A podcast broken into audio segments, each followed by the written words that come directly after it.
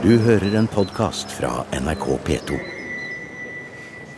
Dette programmet om den islandske historieskriveren Tormod Torfeus, som på 1600-tallet skrev den aller første norgeshistorien, ble laget i 2008. Da ble de tre første bindene av historieverket til Torfeus utgitt på norsk. Nå foreligger hele verket komplett, men her tar vi et skritt tilbake til 2008, da hele prosjektet med oversettelsen hadde nådd sin første milepæl. En stor dag for historien om historieskrivningen var det på Nasjonalbiblioteket, da første del av det store bokverket til Tormod Torfeus fra 1711 endelig ble utgitt på norsk. Så Derfor sier jeg i dag er det avduka et litterært Osebergskift, ikke mindre. Og ønsker dere hjertelig velkommen til å kose dere med dette verket. Et litterært Osebergskip, kaller prosjektleder Torgrim Titlestad det. For første gang er det nå mulig for alle som vil, å sette seg inn i tankegang og kilder, ja, hele verdensbildet, til de aller mest lærde menn på 1600-tallet. Det som helt sikkert det er at den norske historiografien må skrives på nytt. For Torfeus er jo utelukka fra den. For våre fornemme historikere forrige århundre de mente det hadde ingen betydning. Gerhard Skjønning er den store mannen. Det er da det begynner. Altså 60 år etter at Torfeus var død. Men det er altså en feil. Og Da må man lese Torfeus, og så må man se på hva slags føringer får dette for historiefaget i Norge, men òg hvordan ble dette tatt opp ute i Europa. For det er jo det som er det interessante. Dette er det første og det eneste så store verket om norsk historie ute i verden som er skrevet til dags dato. Tidligere har norgeshistorien til Torfeus, Historia rerum norvegicarum, bare vært tilgjengelig på datidens verdensspråk, latin. Og dermed utilgjengelig for de aller fleste de siste 200 årene. Men nå har et helt team av oversettere og historikere, med økonomisk støtte fra Kulturrådet, Fritt Ord, offentlige og private sponsorer, siden 2001 møysommelig laget kart og registre og oversatt hele det imponerende verket. For det er et ufattelig stort og komplekst arbeid den danske kong Fredrik 3. bestilte, sier prosjektleder og historieprofessor fra Stavanger, Torgrim Titlestad. Ja, altså Det som jeg, som jeg, gjerne skulle visst mer om, det er den danske kongen Fredrik 3., som har vært en uvanlig kultur- og historieinteressert konge. Ganske unik. Og han eh, engasjerte Torfeus allerede omkring 1660, der han begynte på dette arbeidet sitt. Og eh, da kan vi si at det var en konge med et stort engasjement og en ung historiker med et stort talent som møttes. Og der begynner det. Det er jo ganske unikt. det at det, hadde, vi vært, sånn, hadde vi vært selvstendig kongerike, så hadde Norge sannsynligvis aldri kosta på seg den historien. Så man tror det at 400 år i natten ruget over apekatten. Men altså, hvis du leser nå innledningen til Torfé, så vil du bli forskrekka over den enorme hylling som man gir til norsk historie uten make i verden, samt til den danske kongen, som forsto at han måtte gi det norske folk denne unike gave. Og denne unike gaven, som Titlestad sier, er nå altså for første gang tilgjengelig på norsk. Det var denne begivenheten som ble høytidelig markert, med den islandske ambassadør, professorer fra Norge og Island, og med et celebert besøk av kong Harald. Her er uh, avskrift av eh, Heimskringla og Morgenskvinna, som jo er Snorres eh, håndskrifter. Og dette her er et håndskrift Det var hentet fram en helt spesiell samling dokumenter og bøker fra Nasjonalbibliotekets sikkerhetsmagasin. Bl.a. noen av de middelalderkilder Tormod Tofeus brukte da han satt på Karmøy og skrev sitt verk på slutten av 1600-tallet. Ja, her er de norrøne håndskriftene tilbake til Fagerskina. Og så er det avskrifter som ble iverksatt av Tomotofeus. F.eks. her er en kopi av Fagerskina. Hvis ikke Tomotofeus hadde satt i gang kopieringa av disse skriftene, så er det ingen annet noen ting, for de brente i København i 1729. Så vi kan altså òg takke ikke bare for at han skriver om, men han sørger for at det blir redda for ettertida. Her ligger en del av grunnlaget. Morkinskinnet, Fagerskinnet. Disse kjeldene brukte han. I dette programmet skal vi møte noen av de ekspertene som var med på å kaste lys over Tormodur Torfason, som var Torfeus' døpenavn på Island.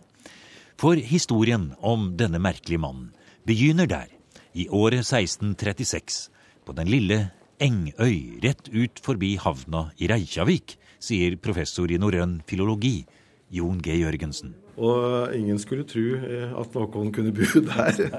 I dag er det ikke noe bebyggelse der, men på Torfeus tid så var det et lite samfunn på et par hundre mennesker, kanskje. Eh, men i dag er den altså helt forblåst. Men den ligger svært nær havna i Reykjavik, så du kan ro over. Mm. Og det er der Torfeus er født? Der ble han født. Men han bodde ikke der så lenge. Han, eh, faren fikk en, et bedre tilbud om, om, stilling inne på fastlandet. Han var sysselmann.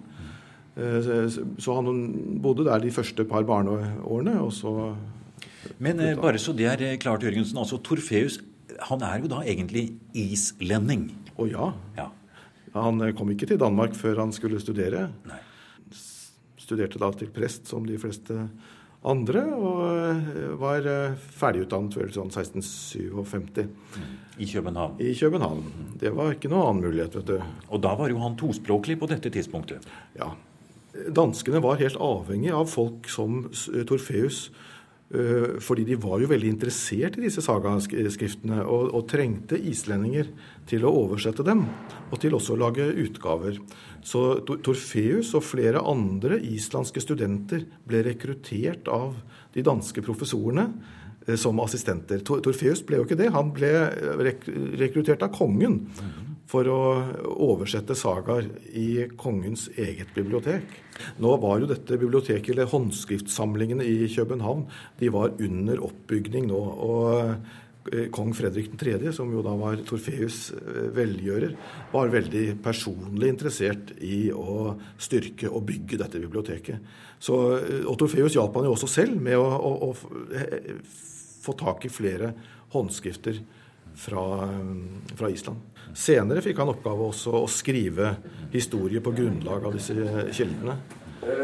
Þormóður Torfarsson har stått i skuggen av sin uh, yngre venn Arne Magnusson.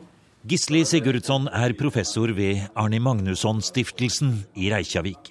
Et forskningsinstitutt som for øvrig er oppkalt etter Torfeus' yngre kollega fra Island, som gjorde stor karriere som innsamler av kilder og håndskrifter. Men det var altså Torfeus som startet dette arbeidet. Og det gjorde han av en helt bestemt grunn. Svenskene hadde sin mer eller mindre oppdiktede oldtidshistorie, Atlantica, utgitt av Oluf Rudbeck i 1677. Og i den danske helstaten, som jo omfattet både Island og Norge på denne tiden, måtte man helt tilbake til Saxos verker fra 1200-tallet. Så Torfeus måtte lete i den rike muntlige fortellertradisjonen på Island og finne frem til nye kilder, sier professor Sigurdsson. Ja, De kilder han hadde, var jo bare de islandske håndskrifter som ikke var trygt på det tidspunkt. Så de trykte verk man kjente til, det var eh, Saxo Grammaticus i Danmark som skrev sin danske historie på latin. Og man tror fortfarande på, man var ikke så oppmerksom på, at det også fanns informasjon i Island på gammel norrønt, eller islandsspråk, som kunne brukes.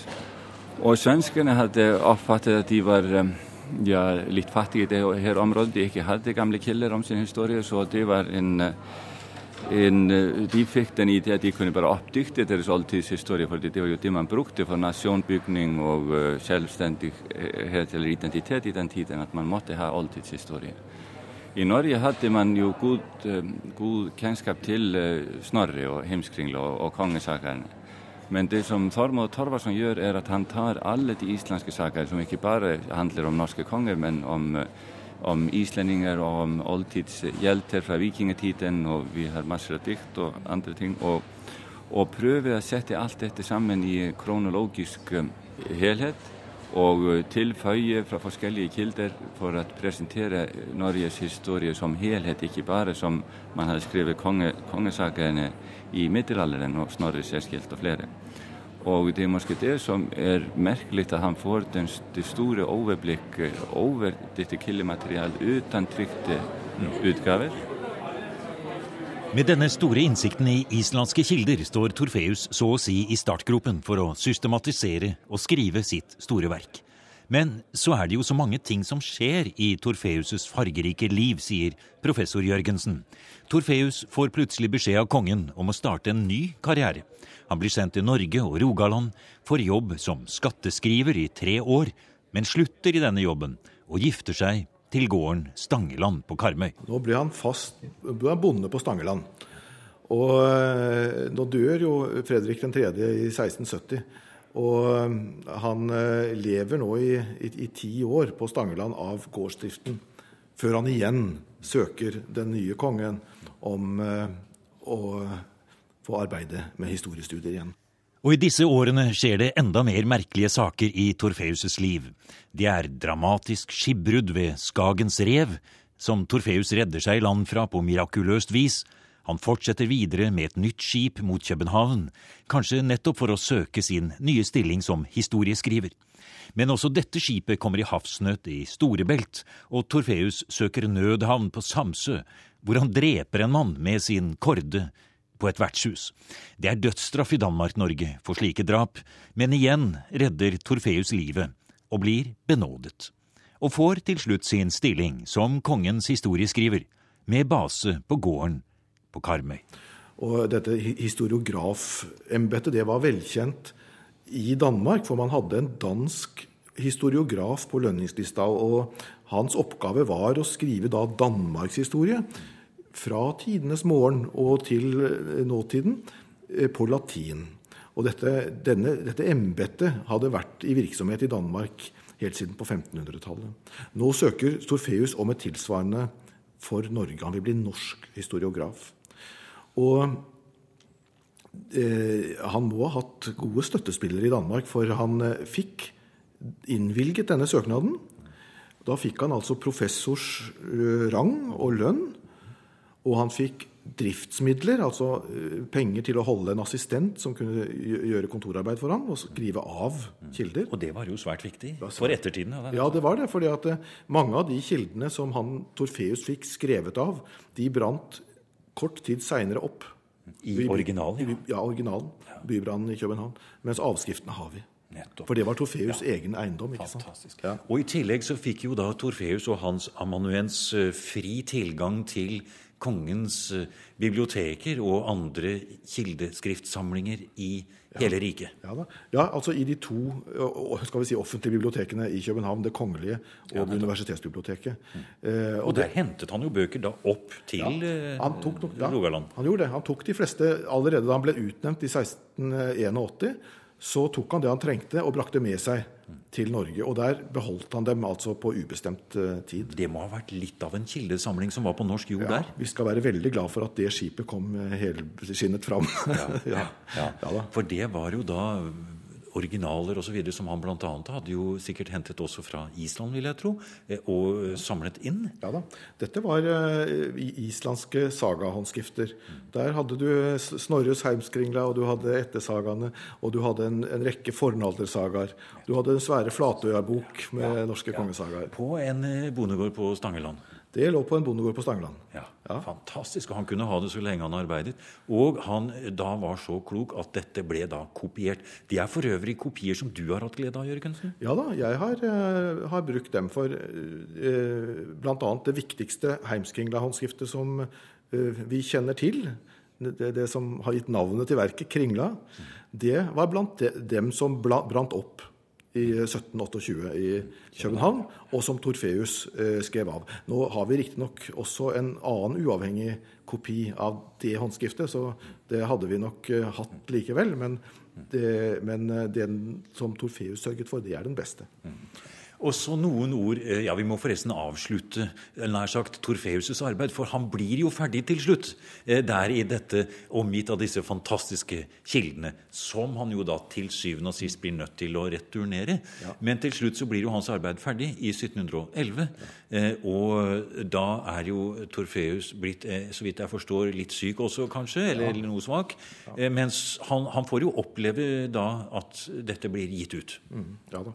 Eh, han han eh, får det til slutt ut. Han fikk et slag i 1706, og de siste årene han levde, så var det nok, nok nedsatt arbeidskapasitet. Men det er ingen grunn til å tvile på at han ikke hadde full kontroll over det som kom på trykk. Det rare var jo at her hadde man, hadde man eh, finansiert hans virksomhet eh, fra ja, 20 år før disse tingene begynner å komme på trykk, og det viser seg å være vanskelig å få finansiert disse utgivelsene. Og det var nemlig ikke bare eh, den store eh, historie det store historieverket som kom ut. Altså han skrev en del sånne biprodukter av dette her også. En bok om Grønland og en annen om Færøyene og om Vinland. Uh, og Orknøyene. Og, og, og, faktisk også en bok om danmarkshistorie. Dette er altså biprodukter fra hans grundige gjennomgang av kildene. Og de kom på løpende bånd på begynnelsen av 1700-tallet. Før det store verket kom til slutt. Så Torfeus han var rett og slett en berømt eh, historieforfatter i sin samtid, han da? Ja, han hadde et stort navn i samtiden sin. Og han må ha hatt et stort navn gjennom eh, hele 1700-tallet også. Det kommer en svær biografi om han på slutten av 1700-tallet. Og, eh, og skriftene hans blir trykket og lest. La oss snakke litt om hvordan Torfeus arbeidet. Han hadde, eh, sier du, to hovedakser å bygge sitt arbeid langs. Den ene var eh, kronologisk, og den andre var rett og slett genealogisk, som du sier. Altså Han rett og slett satte seg fore å systematisere alt han visste. Og så setter han et år null. Men hva er det? Ja, Det er verdens skapelse. Og det var ikke Torfeus-påfunn. Det, det, var en kjent oppfattelse blant tidens ja. Ja. historikere. Og man trodde jo på Bibelens skapelsesberetning. ikke sant? Men kalte man ikke det for år null den gangen, holdt jeg på å si, da ved Kristi fødsel? da? Eh, man snakker om Kristi fødsel som eh, år null, men, men eh, det, også skapelsen som verdens år null. Men han kobler da den nordiske historien til denne europeiske kronologien. da som han også kritisk går igjennom. For han, han, leste jo både det som fantes av eh, samtidige historiearbeider, og de nordiske kildene fantastisk stort arbeid også må være. Ja. Eh, men eh, så sier du jo at dette var ikke bare hans metode, men dette var også hans måte å kontrollere sitt arbeid på. Ja. Det var slik han drev sin kildekritikk, nærmest. Ja, det er iallfall eh, to sånne prøver, lakmusprøver, som han kunne gjøre for å ta stilling til om materialet hans eller kildene hans var troverdige eller ikke. Hvis det ikke stemte, ikke kunne, ikke kunne tilpasses hans kronologi, så måtte det være noe galt med dem. Og på, samme, på, samme, måte eh, så laget han også genealogiske oversikter, altså svære slektstrær, hvor de ulike aktørene som opptrer i kildeverkene, kobles sammen i, i slektsledd. Og da kunne han også slutte dersom to personer som da av genealogiske grunner ikke kunne leve samtidig. Hvis de opptrer i samme kilde samtidig, så må det være noe galt. Mm, med den kilden, ja. ja. Og da blir han kritisk til den. Ja. Men det er jo forskjellige grunner Jørgensen, til at eh, ettertiden, kanskje da når vi kommer nærmere vår egen tid, eh, ikke har brukt Torfeus' arbeider så mye. De ble skjøvet tilbake. En av disse grunnene, det er mange grunner, men en av grunnene er jo at Torfeus var jo farget av sin samtid når det gjaldt skal vi si, en form for fantasifull innlevelse i ting man ikke helt var sikker på hva var. F.eks. så hadde jo Torfeus et eh, skal vi si, åpent sinn for ting vi i dag kan kalle for ting som mer hører hjemme i fantasy-litteraturen, kanskje? Ja, og disse kildene, særlig for den første delen av historiearbeidet til Torfeus, det første bindet, som skal eh, beskrive tida før Harald Hårfagre, så hadde han ikke veldig troverdige kilder å bygge på. Det var mye eh, fantastiske trekk i disse eh, såkalte fornaldersagakildene som han måtte, eh, måtte, bygge på. Men som du sier, han, han, hadde et åpent sinn. I utgangspunktet var alt mulig. Eh, dersom de besto hans kritiske prøver. Men, men han var helt på det rene med at mye av dette materialet eh, framstilte historien eh, i forfalsket form, eller på en måte som man måtte fortolke litterært for å kunne trekke noe ut av. Blant annet så var jo Torfeus overbevist om at det et eller annet sted måtte ha eksistert en eh, menneskeslekt som var rett og slett kjemper. Ja da. Risene, eller gigantene, som det står i hans, i hans bok. Og da snakker vi ikke om vanlige kjemper, men Nei. sånn type ti ganger menneskers størrelse? Ja, altså som vi, vi, rekker opp til knærne til. Ja. Og dette var en slekt som han uh, mente hadde eksistert, og han uh, kunne også, hadde også teorier om at de stammet fra en av Noahs sønner. At det var en sånn en, en, gren av menneskeslekten som hadde Og det med Noahs sønner, det kan vi kanskje forklare litt ut fra det at i datidens historieskrivning mm. så var det ikke bare å få systematisert og få forklart hva som har skjedd tidligere, men det var vel også en slags konkurranse om hvilket kongehus kunne føre sine eh, aner lengst tilbake til jordens skapelse. Ja. Ja da, det, og det er nok grunnen til at uh, historieskrivning blir viet så store ressurser innenfor kongeriket. At uh, det var viktig for staten og for kongen å uh, dokumentere en ærerik fortid.